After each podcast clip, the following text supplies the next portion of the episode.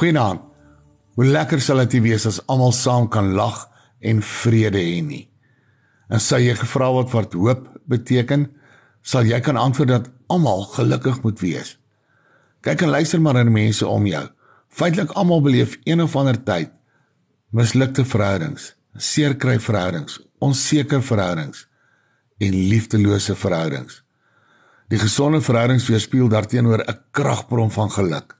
Verhoudings waar mense mekaar aanvaar, bemoedig, bystaan en in liefde leef. Paulus skryf hiervan in Romeine 15 en mag die God van leidsaamheid en bemoediging aan julle gee om eensgesind onder mekaar te wees ooreenkomstig die wil van Christus Jesus sodat julle die God en Vader van ons Here Jesus Christus eendragtiglik uit een mond kan verheerlik. Neem daarom mekaar aan soos Christus ons ook aangeneem het tot heerlikheid van God. Nou Paulus vra hierdie openhartige aanvaarding van mekaar sodat God verheerlik kan word deur eensgesindheid. Miskien het jy vanaand 'n moedelose gevoel.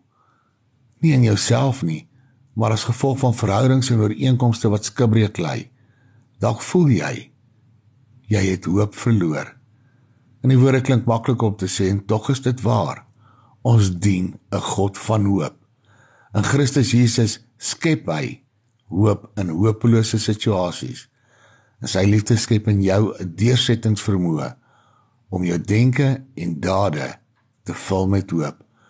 Daarom sluit Paulus hierdie gedeelte ook af in Romeine 15 met die met 'n seënbede, 'n pragtige, mooi seënbede. En mag dit vir jou vanaand besonder baie beteken.